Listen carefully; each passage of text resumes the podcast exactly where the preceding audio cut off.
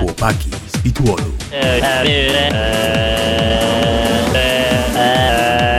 I można łatwo utknąć w korku. Witamy wszystkich bardzo, bardzo e, serdecznie. Mm, Te dźwięki bolidów, które mamy w tle, dzisiaj możemy wyłączyć. E, także e, dzięki bardzo. Skupiamy się dzisiaj na Sebastianie Vettelu, ale zanim to, no to oczywiście przywitanie jeszcze raz, e, już bez dźwięku bolidów. E, witam się z wami. Jarema Karwowski. Mikołaj Bała realizuje nas y, Paweł Kortas. No i dzisiaj ten y, wyczekiwany mm, przez, mam nadzieję, was też, tak samo jak przez nas, y, odcinek specjalny. No bo jak wiecie, sezon Formuły 1 się skończył, no to o czym my mamy gadać? Wiadomo, plotki, ploteczki są, zawsze można o Formule 1 dyskutować, ale mm, dwa tygodnie temu był czas pożegnań z sezonem, z takimi legendami jak Nicolas Latifi, E, ale była taka postać, która zakończyła nie tylko swój sezon, ale też całą karierę w Formule 1. Mm, Postać, która zasługuje na siebie cały osobny e, odcinek chłopaków z Pitwallu i tak jest dzisiaj. Chodzi o Sebastiana Vettela, czterokrot- czterokrotnego mistrza świata w i poza bolidem. Jak zdążyliśmy napisać e, w zapowiedzi, e, dla mnie jest to nie tylko osoba, ale i zjawisko e, wzorowe e, i bardzo mm, inspirujące e, i tak naprawdę świecące przykładem dla każdego młodego sportowca. Cała droga Sebastiana Vettela i tego, jak on się zmieniał na przestrzeni lat, od swoich początków w Formule 1 do momentu, w którym znalazł się dziś, jest naprawdę imponująca, bo Sebastian Vettel wcale nie był zawsze tak bardzo lubianym przez fanów kierowcą, jakim jest dzisiaj. To zdecydowanie prawda, e, bo rzeczywiście ten wizerunek bardzo się zmieniał na przestrzeni lat e, i na samym, ale na samym początku, na samym początku, dawno, dawno temu, w 2007 roku, e, Sebastian Vettel był tak naprawdę e, bardzo młodym niemieckim chłopakiem, 19-letnim, e, który, no właśnie jak na ówczesne standardy Formuły 1, te 19 lat, wtedy to było coś, co robiło zdecydowanie większe wrażenie dziś, niż dzisiaj po Maxie Verstappenie, Tak. który miał 17 lat w Toro Rosso i aż się zastanawiam, co by wtedy, co komentatorzy by mówili dzisiaj, e, mm, e, Gdyby wsadzono 17-latka w tamte w bolidy. tamte bolidy, tak, w tamtych czasach. E, No wtedy to, e, wtedy to postrzegano e, zupełnie inaczej. A wtedy Sebastian Vettel miał już za sobą e, siedem udziałów w weekendach w Grand Prix z Zauberem, Tak. co zresztą wynikało też z trochę z długiej przeszłości Red Bulla i Zaubera, bo przecież Zauber to były pierwsze bolidy, które miały na sobie branding Red Bulla. No i e, też ciekawa historia, że przy okazji jednego z tych e, treningów e, Vettel pobił jeden z chyba z najtrudniejszych do pobicia rekordów, a to był rekord, który polegał na tym, że Sebastian po prostu opuścił aleję serwisową zbyt szybko Tak. w swoim pierwszym w ogóle kiedykolwiek wyjeździe. Tak, to jest naj, najszybsza kara w historii Najszybsza Formuły kara 1. po zaledwie 6 sekundach e, dostał e, kilka tysięcy euro za e, e, przekroczenie tej prędkości w alei. Także to jest taki mały smaczek, o którym właśnie duża część z was może nie wiedzieć. Ym, To jest trochę y, niemiłe i nie, w żaden sposób to nie jest jakkolwiek przytyk. Nie chciałbym, żebyście tak to odbierali. Mm, Ale ja dzielę też trochę fanów Formuły 1 na erę przed i po Netflixową. E, nie da się ukryć, że Drive to Survive e, przy, przy zgromadziło e, dużą ilość fanów e, śledzącą już na bieżąco Formułę 1, ale też trochę wypaczyło wizerunek niektórych kierowców. I mm, o tym, jak to wszystko się zaczęło, jak to było u Sebastiana Vettela e, i dlaczego on kiedyś był bardzo nielubiany, bo my o tym, my o tym wam nie, wspom- nie wspomnieliśmy, a musimy to skontrastować z tym, co powiedzieliśmy na początku.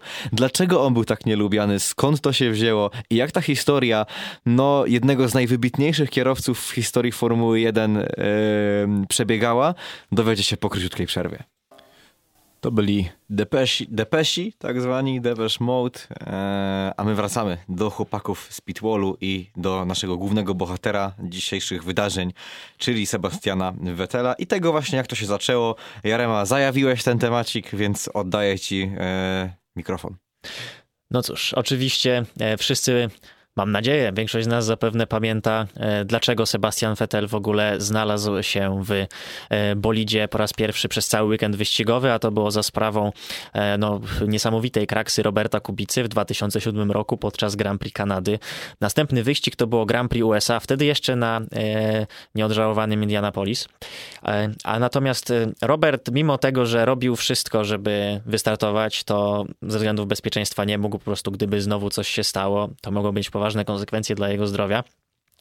Natomiast y, sam wówczas... Bardzo, bardzo przepraszam, że ci wejdę w słowo, ale bardzo mi miło i, i serce się raduje, kiedy nawet, kiedy zapowiadamy audycję w 100% o Sebastianie Vettelu, to i tak odpowiadamy na pytanie, co to oznacza dla Roberta Kubicy. No bo wtedy Sebastian Vettel jednak coś oznaczał dla Roberta Kubicy, chociaż tak. nie, nie... I tu, to, z racji, że to powiedziałeś, to bardzo mi miło, że mogę już teraz wyjąć pierwszy z moich cytatów y, z rękawa. Mm, I jednym z nich jest, y, o, to był y, 2008 rok. Uważam, że na dzień dzisiejszy najlepszymi kierowcami w stawce są Kimi Raikkonen, Lewis Hamilton i Robert Kubica. A ja sam siebie nigdy nie oceniam. Mam nadzieję, że kiedyś ktoś odpowiadając na to pytanie wymieni także mnie. E, no, Internauci, internauci nigdy nie zawodzą. Także tak Robert Kubica odhaczony, możemy przejść do Grand Prix USA 2007. E, tam e, Sebastian Vettel e, wystartował w, w kwalifikacjach, wszystko zgodnie z planem i udało się Sebastianowi wejść do Q3, z czego był bardzo zadowolony. No nie da się ukryć, że Q3, Q3 w debiucie. Samochodem jeszcze wtedy takim, no umówmy się, taki mocny środek stawki. No Zaubery? No to jeszcze nie 2008, to jeszcze okay. nie bym powiedział. Mm. Więc Sebastian Vettel e, siódmy w e, BMW Zauber i i, I właśnie, no cóż, no i sobota, później niedziela, start. I właśnie obejrzałem sobie początek tego wyścigu, można go znaleźć w internecie i no, zaskoczyło mnie to, jak opowiada się, jak komentatorzy opowiadają o Sebastianie Fettelu. No bo E, trzeba przyznać, że też sam początek jego wyjazd na pola startowe, no to prawie udało mu się, rozgrzewając opony, prawie udało mu się skończyć w kierowcy przed nim. E, to dopiero byłaby e, prawdziwa wtopa. E, no ale później właśnie już ustawiają się wszyscy na polach startowych i brytyjscy komentatorzy mówią, e, jest kilku kierowców e, obok Sebastiana Vettela, jest kilku kierowców obok na polach startowych, którzy mogą być trochę zdenerwowani. Kowalainen, Heidfeld, Weber, Fizikella, jeśli chodzi o to, co zrobi ten młody człowiek po starcie. Nie mają o nim żadnych informacji, nie znają jego profilu psychologicznego. Później jeszcze uparcie mówili o Sebastianie Vettelu nastolatek i też y, jeszcze nie umieli tak do końca wymawiać jego imię, więc na przykład trochę tak z francuska Vettel, prawda, jest Vettel. Natomiast był to debiut mimo wszystko e, udany, oczywiście media swoje, ale e, Sebastian zrobił swoje na torze, e, gdzie wprawdzie był ten lock-up do pierwszego zakrętu, udało ledwo uniknąć Heikiego Kowalajnena po trawie, potem musiał trochę odrabiać z 11 pozycji, ale ostatecznie udało się dojechać na ósmej pozycji, dowieść pierwsze punkty i Sebastian był niesamowicie szczęśliwy. Tak jest. I tak wyglądały y, początki Sebastiana Vettela właśnie e, w Formule 1. Reprezentował wówczas ekipę Zauber, która ściśle współpracowała oczywiście z koncernem Red Bulla, ponieważ mm, Sebastian przebywając w Zauberze E, był już w programie juniorskim Red Bulla. On już tam, czy w Formule 3, 3,5, Formule Renault, e, on tam reprezentował e, Red Bulla i swój pierwszy kontrakt podpisany z Red Bullem opiewał na 1700 funtów miesięcznie. I z tego, z tego się, się utrzymywał. Natomiast mm, nie da się ukryć, że on już w tych juniorskich właśnie klasach był utalentowanym kierowcą i jest rzecz, która jest wyciągnięta kropka w kropkę z, Michaela z Michaela Schumachera. E, mianowicie dla Sebastiana Vettela e, wety, czyli przysłowiowe, opony, no, przysłowiowe wety, czyli opony na mokrą nawierzchnię, były za drogie. I zdarzało się, że Seb y, wyścigi na wilgotnej nawierzchni, mokrej nawet się zdarzało, pokonywał na suchych oponach. Wobec czego bardzo to mu pomogło rozwinąć się później jako kierowca, e, ale to dokładnie taka sama sytuacja była z e, Michaelem Schumacherem. E, tylko nie pamiętam, czy tam było właśnie tak, że go nie było stać na te mokre opony, czy to nie było przypadkiem to, że Michał tak bardzo chciał na tych oponach oszczędzać? A akurat chyba jego rodzice mieli przecież tor kartingowy, wydaje -hmm. mi się. Natomiast y, jakby nie było, to słyszy się raz po raz takie historie, że a to czyjeś ojciec komuś każe jeździć na mokrych, czy kogoś nie stać na mokre i później się to jakoś przenosi dalej w karierze.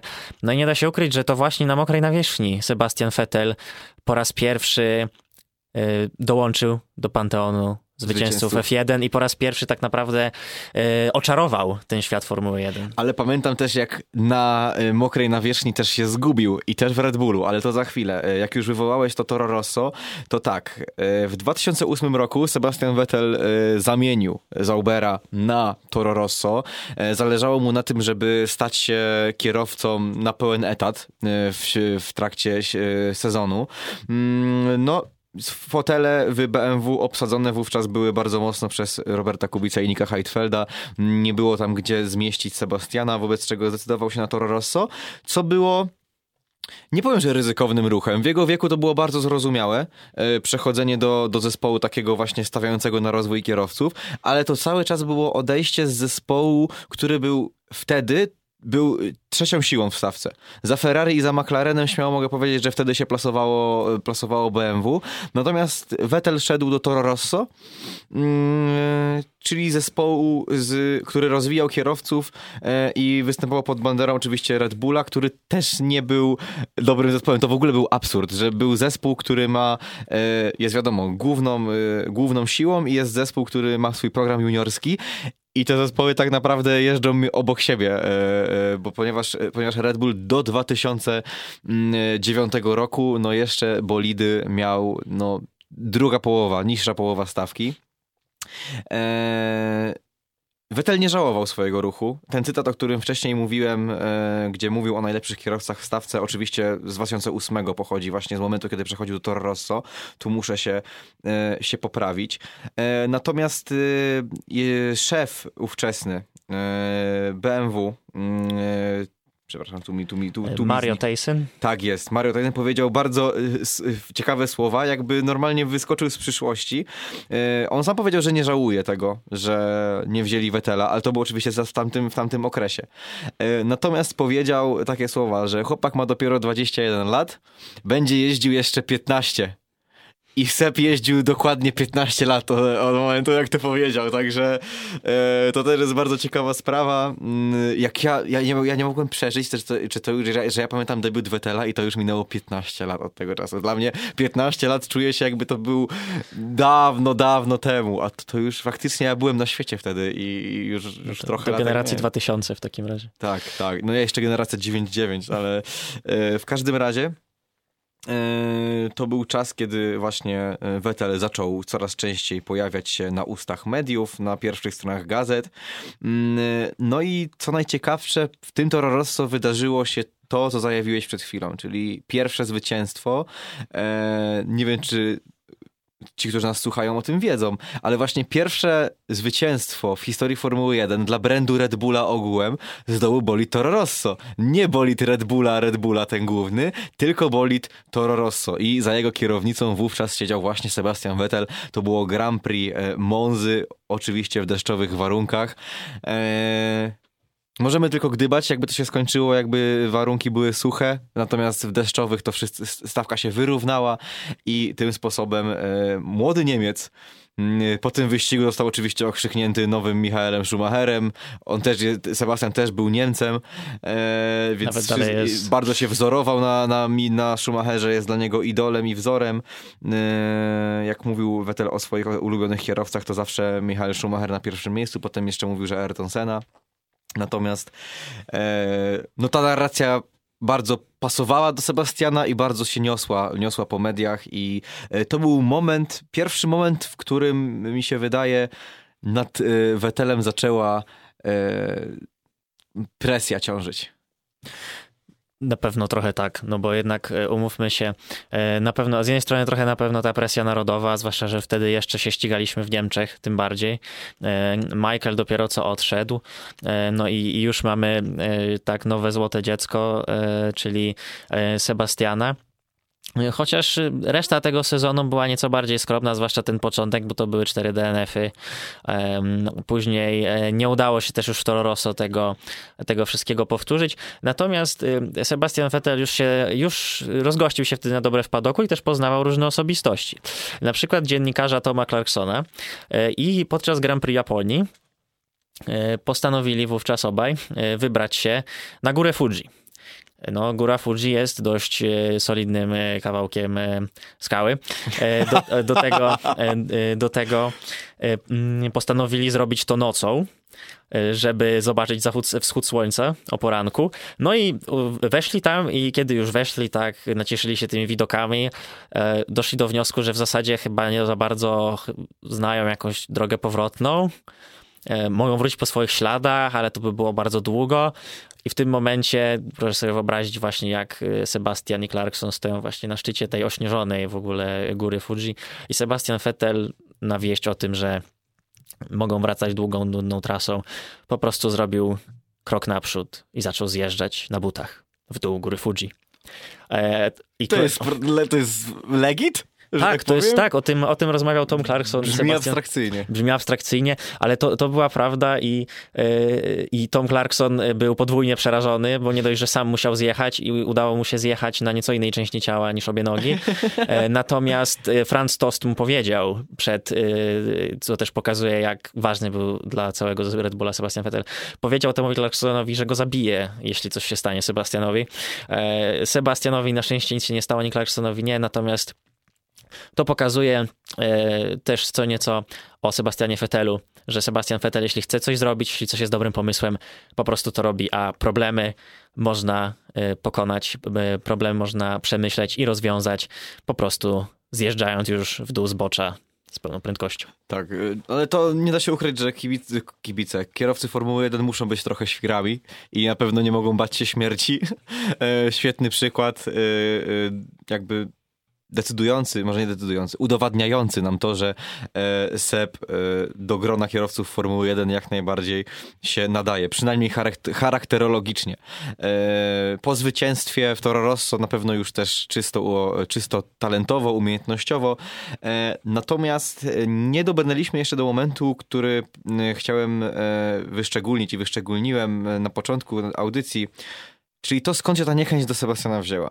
No to musimy troszkę się przesunąć w tej naszej osi czasu mm, i dobić do roku 2009, kiedy Sebastian Vettel podpisuje kontrakt z głównym zespołem Red Bulla. Zastępuje tam e, ustępującego mm, e, Davida Coultharda, który kończył swoją karierę i wsiada w bolid Red Bulla. E, to też, nie powiem, że no dobra, ryzyko. Eee, nie, nie wiem, jakie tam były sytuacje kontraktowe. Czy mu się w Toro Rosso już kończył kontrakt, bo miał te, takie warunki krótkie i miał kilka ofert na stole, czy to było naturalne przejście z Toro Rosso do Red Bulla? W każdym razie, no, bolid yy, RB4 wówczas, no, był bolidem, który plasował się w dolnej części stawki i też większego wrażenia na yy, reszcie yy, pitwallu nie robił. Natomiast bolid RB5, zaprezentowany w Jerez w 2009 roku, no to już jest bolid, który na kartach Red Bulla e, napisał, e, że tak powiem, wytłuszczonym druczkiem, e, zapisał karty ko kolejne historii. E, ponieważ to był bolid, w którym Red Bull zdobył drugie miejsce w klasyfikacji konstruktorów. E, Mark Webber bodajże był wtedy czwarty, a Sebastian Vettel był wicemistrzem świata. E, I to był bardzo imponujący wynik. E, wynik, który zaskoczył wszystkich i pamiętam były takie przebitki stare z i któregoś z programów Formuły 1, gdzie jednym z ekspertów był David Coulthard. E, I kiedy tam eksperci się wymieniali, kto będzie najlepszy w sezonie 2009, e, a przypomnę, że w 2008 roku to był ten fantastyczny sezon, kiedy Lewis Hamilton jednym punktem zdobył swoje pierwsze mistrzostwo z Felipe Massą, wygrywając wówczas, mm, to to był, to był e, moment, kiedy David Coulthard uparcie twierdził, że Red Bull będzie mocny.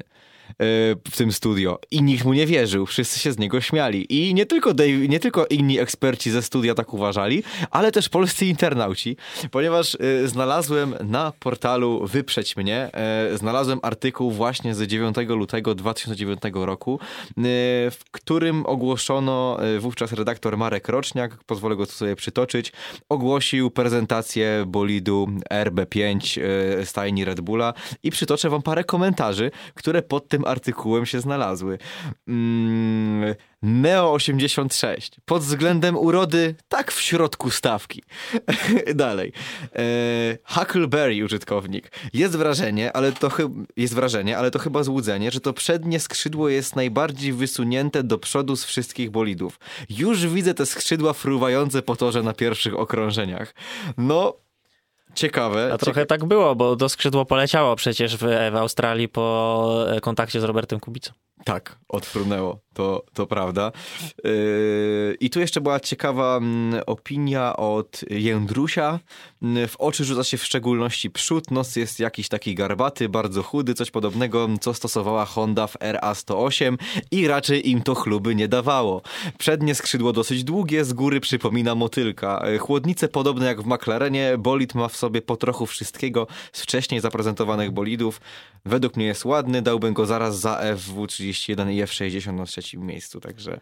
Ale jest coś, co internauci pominęli i to jest być może jeden z najważniejszych sekretów tego bolidu, a to jest podwójny dyfuzor.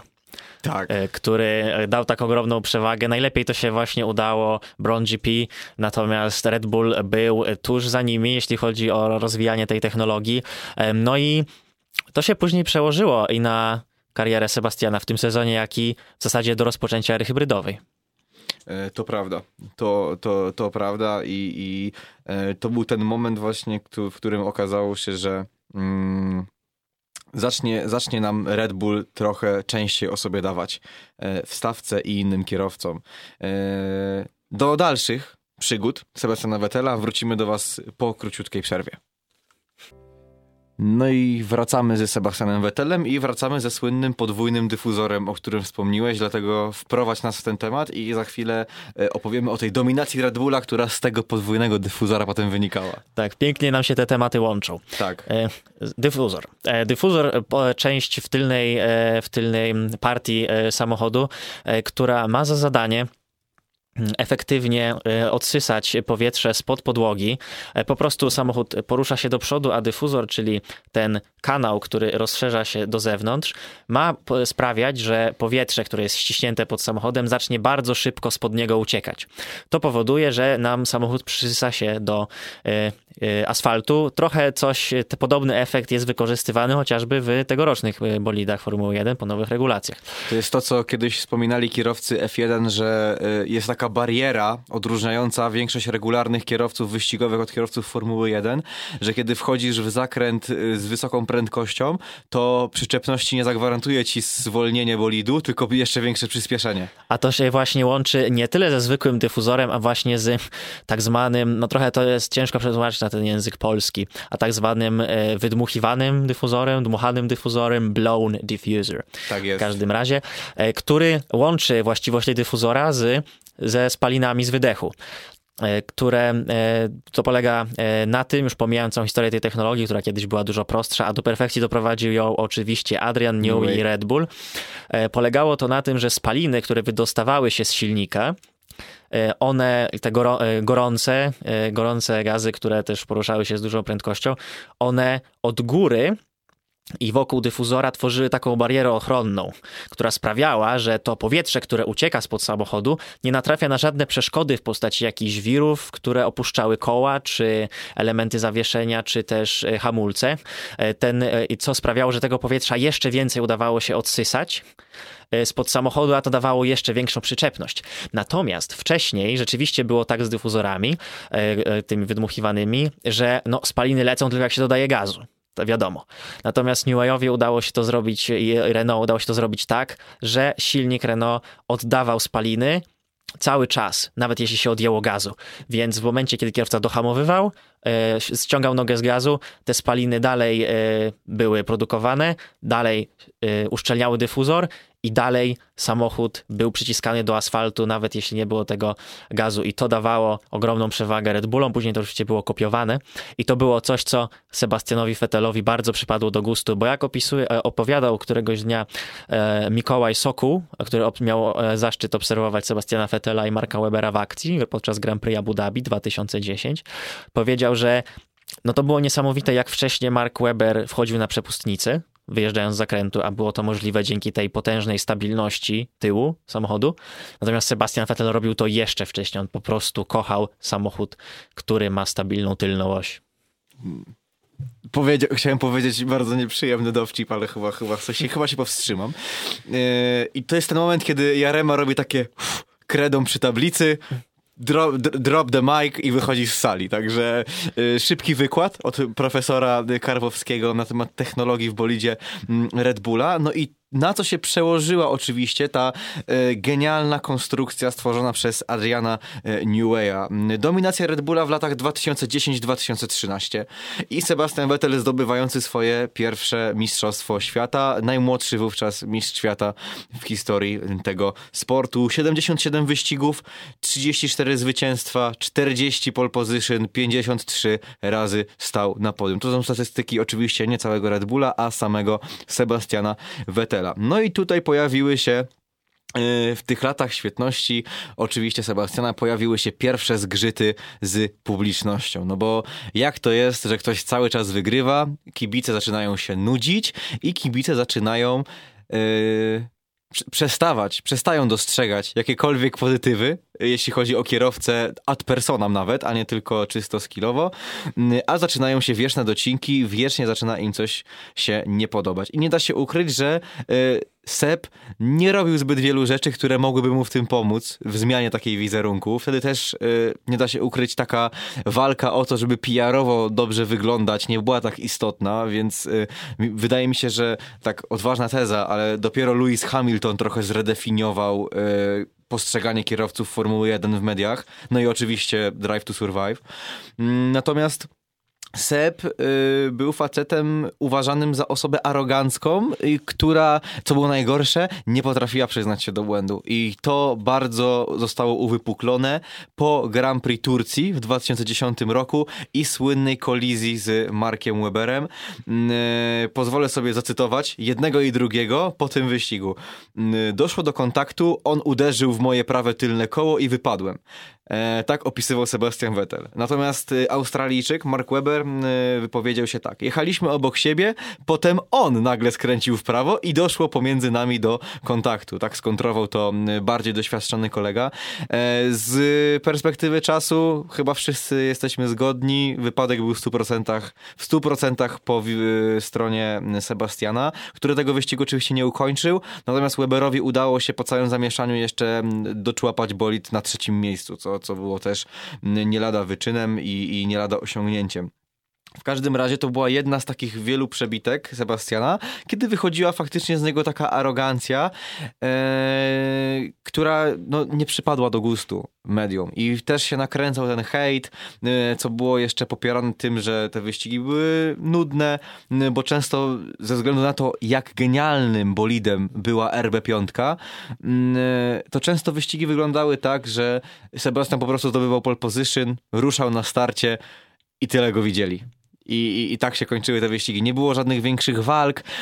Też jest trochę yy, nieprzychylna dla Sebastiana statystyka, która mówiła o tym, że yy, no niestety Sebastian nigdy nie wygrał wyścigu, w którym startował poniżej trzeciego miejsca.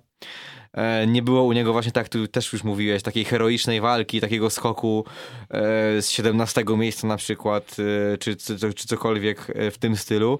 Mm, więc też to napędzało tę narrację, że Sebastian bez mocnego bolidu nigdy nie byłby liczącym się kierowcą w stawce i to też zdążył powiedzieć mm, kierowca, który uwielbia takie rzeczy kierowcom wytykać, czyli Fernando Alonso, który wówczas w barwach Ferrari skusił się na dosłownie taki sam przytek jak swojego, jak niedawno w Louisa Hamiltona, czyli powiedział, że no, gdyby y, bolid Red Bulla był porównywalny do innych kierowców w stawce i wtedy Sebastian by mógł się sprawdzić i okazałoby się, że szłoby mu słabo, no to prawdopodobnie w Formule 1 byłby skończony. To całkiem odważne słowa użyte przez, e, przez Fernando, ale tak było i taka ta narracja była. Teraz są najlepszymi kumplami w, na, na, na gridzie. Znaczy już teraz nie na gridzie, bo Seba już tam nie No, ma, ale, zasadzie- ale tak to się układało wtedy. Tak, natomiast rzeczywiście Sebastian Vettel trochę też w różnych rozmowach odnosił się do swojej znajomości z różnymi kierowcami,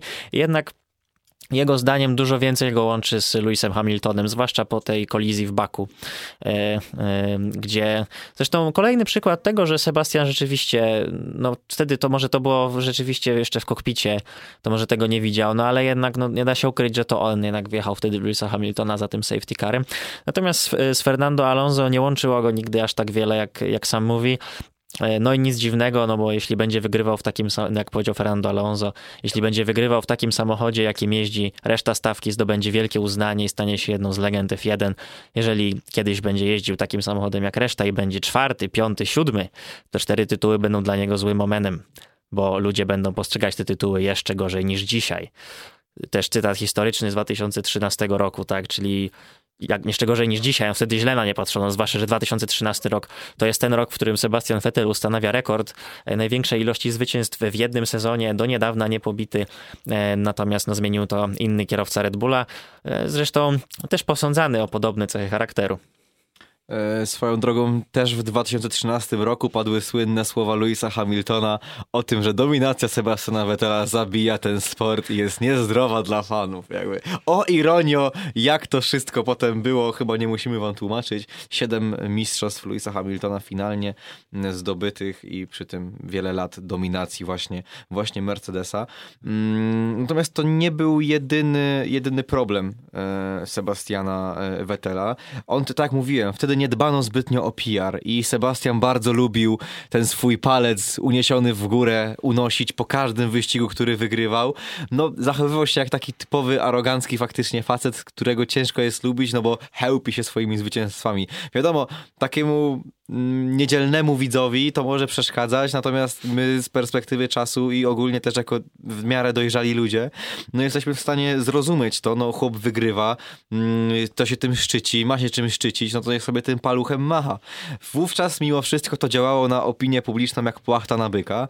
Mm, e, i jeszcze mieliśmy przykładowo w 2013 roku e, słynne Multi 21 na GP, podczas GP Malezji, y, kiedy poproszono Vettela o nie przyciskanie Marka Webera, dojechanie w takiej kolejności do mety. Sebastian nie posłuchał, wyprzedził Marka Webera finalnie i wygrał ten wyścig, mimo usilnych starań e, zespołu i próśb, aby tego nie robił. Natomiast jeszcze cofając się do wydarzeń z Turcji, to warto wspomnieć o tym, że wówczas, kiedy ten wypadek miał miejsce, mm, Mark Webber był prowadził w klasyfikacji kierowców z 93 punktami, e, a Sebastian był wtedy piąty i miał aż 15 punktów od Marka Webera mniej. To był ten sezon, kiedy wydawało nam się, że to właśnie Mark Webber będzie mistrzem świata, ale wtedy Vettel powiedział, że musicie mnie do tego zmusić, żebym ja mu odpuścił. No i to było jedno z tych wielu wydarzeń, które, e, które uświadczyły e, kibiców w przekonaniu, że no,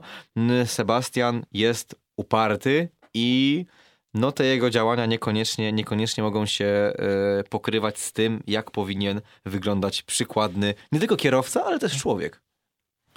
No, przyznaję się, że ja sam jak patrzę na tego typu sytuacje, to zawsze sobie dochodzę do wniosku, że no jednak świat byłby lepszym miejscem, gdybyśmy jednak nie starali się robić wszystkiego oko za oko, ząb za ząb, bo też przy okazji tej sytuacji Sebastian Vettel uważał, że ma prawo do tego za jakąś wcześniejszą sytuację z Markiem Weberem.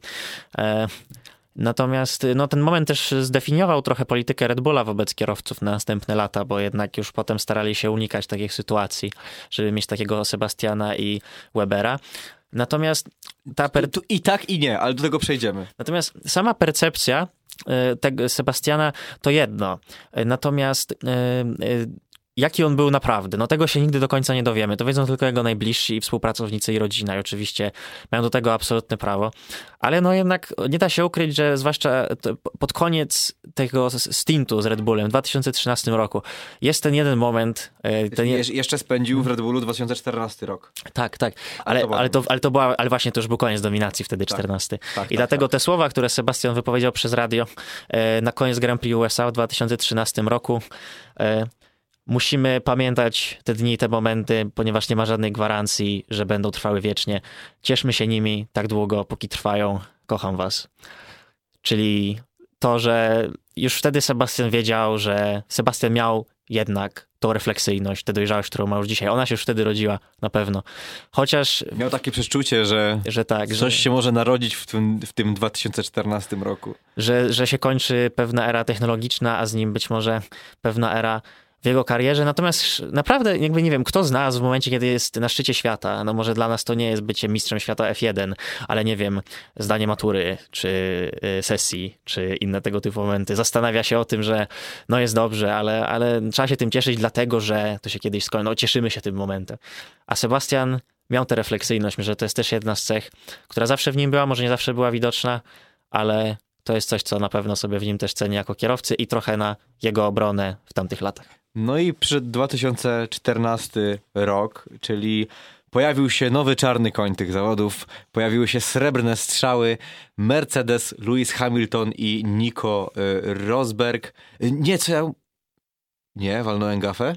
Nie, nie dobrze Lewis mówię. Hamilton tak, Nico tak, Rosberg, tak, jest, tak jest, dobrze, dobrze mówię. Nie, bo nie, y, Schumacher był do 2012. Zgadza się. Y, I potem od 2014 Mercedesy y, już Rosberg tam było. Także miał, miał moment, kiedy Sebastian Vettel mógł dzielić grid ze swoim idolem, y, z Michaelem, Michaelem Schumacherem. E, natomiast 2014 rok był nie tylko sobie dla Red Bulla, ale też dla samego Sebastiana, który pierwszy raz w karierze był gorszy od swojego teammate'a. I tutaj uwaga, może nie wiecie, e, jak nie wiecie, to już wam mówimy. Tym kierowcą, który w Red Bullu wygrał z Sebastianem Vettelem, był Daniel Ricciardo który zakończył ten sezon na trzecim miejscu e, w 2014 roku i po tym sezonie, w tym sezonie, po, po sezonie 2014 Sebastian pożegnał się z puszkami, jak to lubię mówić o Red Bullu.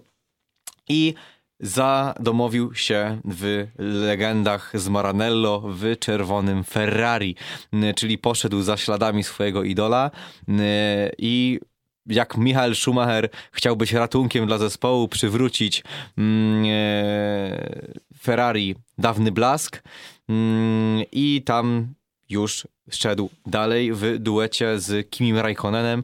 E, utworzyli duet, którego nie dało się nie lubić tak naprawdę. Do dzisiaj kier, e, fani formuły wspominają to jako jeden z najlepszych duetów, jeśli chodzi o taki brolow mm, e, w pitwallu. Natomiast to był moment, kiedy Sebastian też zaczął się zupełnie inaczej zachowywać i to był ten moment, kiedy ja też zrozumiałem, też przygotowując się do tej audycji, że to był ten moment, kiedy zeszła z niego presja wygrywania. I faktycznie ludzie zupełnie inaczej się zachowują, kiedy wymagasz od nich bycia ciągłym zwycięzcą, kiedy wymagasz od nich, e, wymagasz, spodziewasz się po nich tego, że to oni będą dominowali i tak naprawdę każdy inny rezultat niż złoty medal, złoty puchar, pierwsze miejsce, największa ilość punktów po, po wyścigu jest wynikiem poniżej oczekiwań, wynikiem zawodzącym. E, tym bardziej z perspektywy czasu, po tym jak zachowywał się wówczas yy, yy, Vettel, warto docenić to też, jak teraz się po latach dominacji potrafi zachowywać Lewis Hamilton w mediach. Także yy, to był faktycznie moment, kiedy, kiedy Sebastian zluzował, przys- u, u, pozwolę sobie użyć takiego słowa, po prostu zluzował.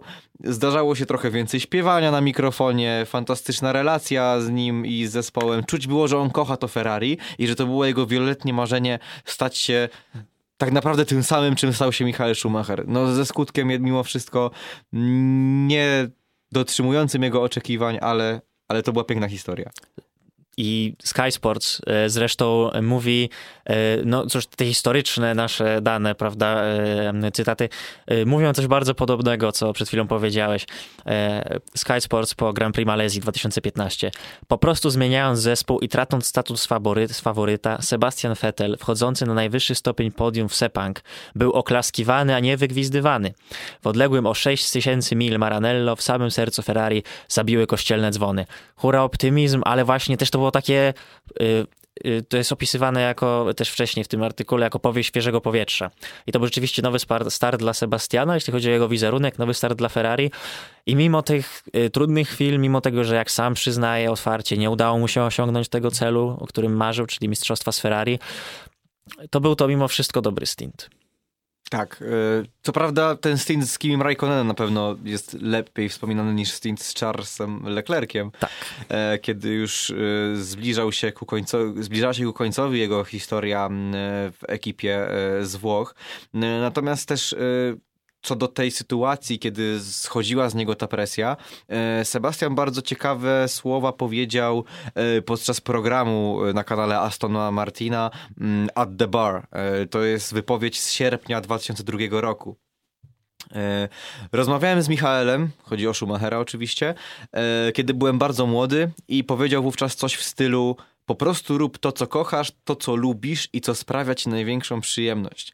E, nie ukrywam, byłem wówczas lekko zawiedziony, ponieważ wtedy sobie pomyślałem, musisz mi powiedzieć coś praktyczniejszego, coś, z czym mógłbym pracować. Dopiero po latach zrozumiałem, o co mu chodziło. I mam wrażenie, że moment, kiedy był w tym Ferrari i jeszcze później, kiedy już nawet był w tym Astonie, to był ten moment, kiedy Seb to zrozumiał.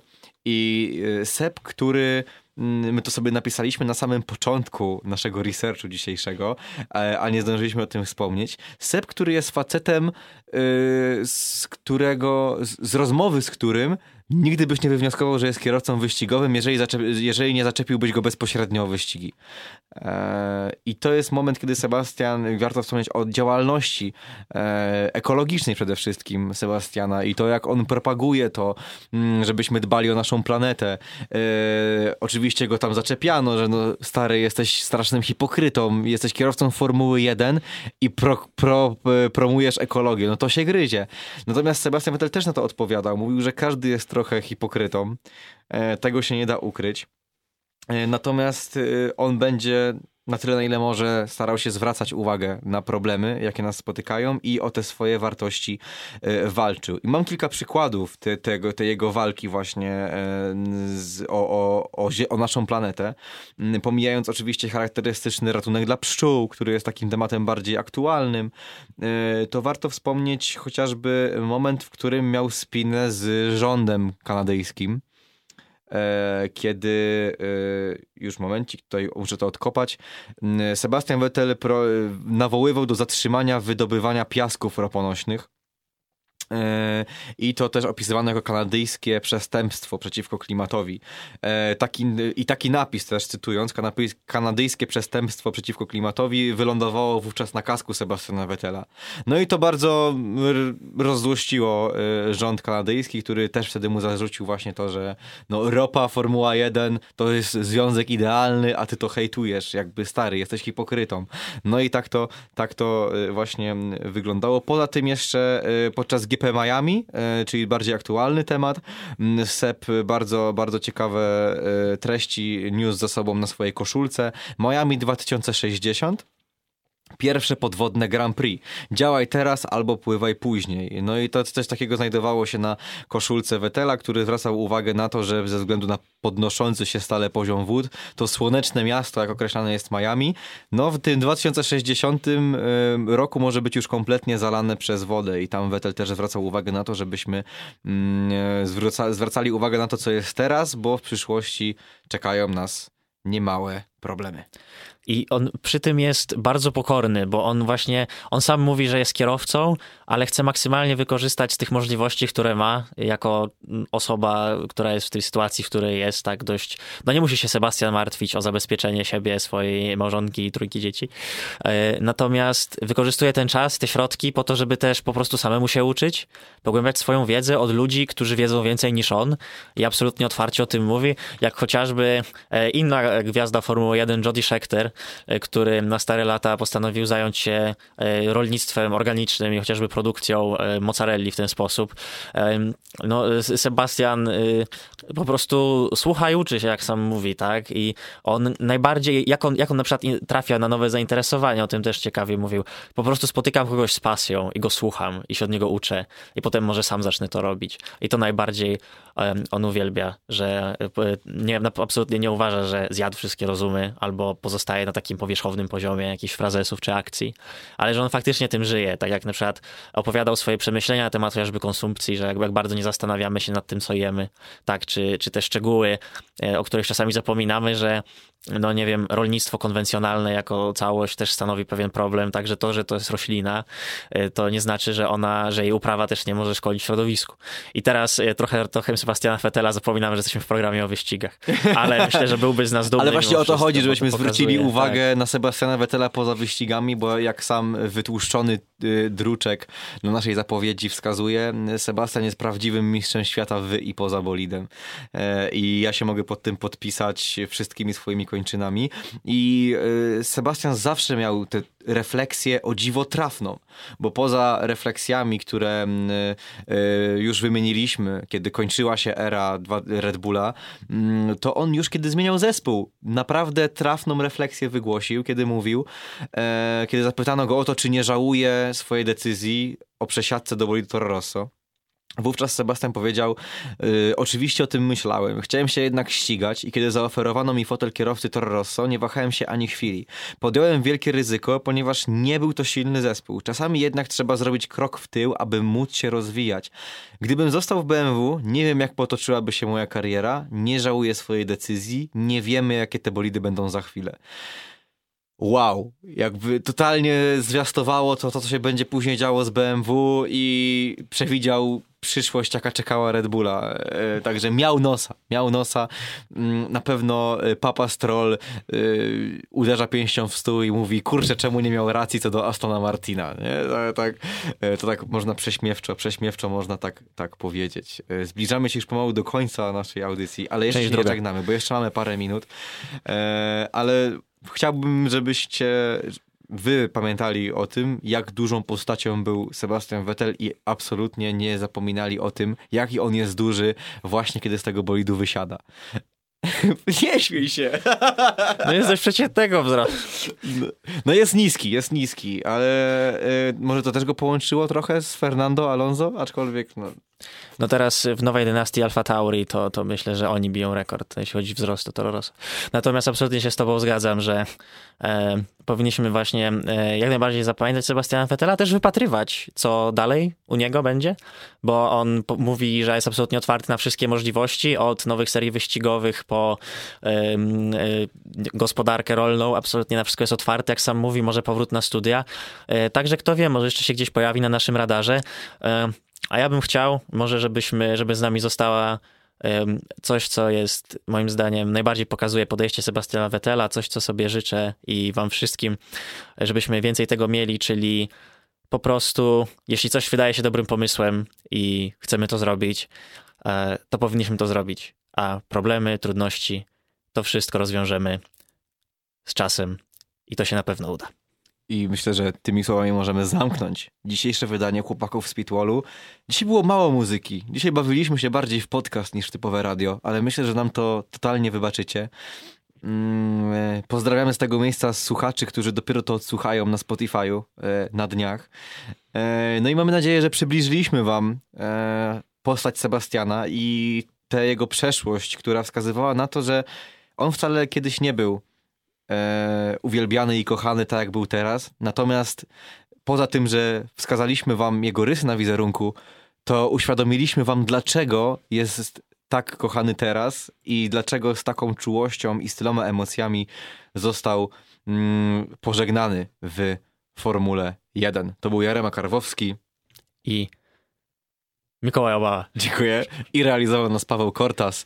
Trzymajcie się ciepło. Do zobaczenia.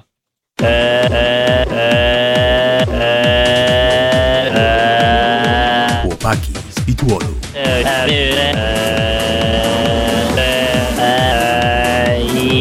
e, można łatwo utknąć w korku.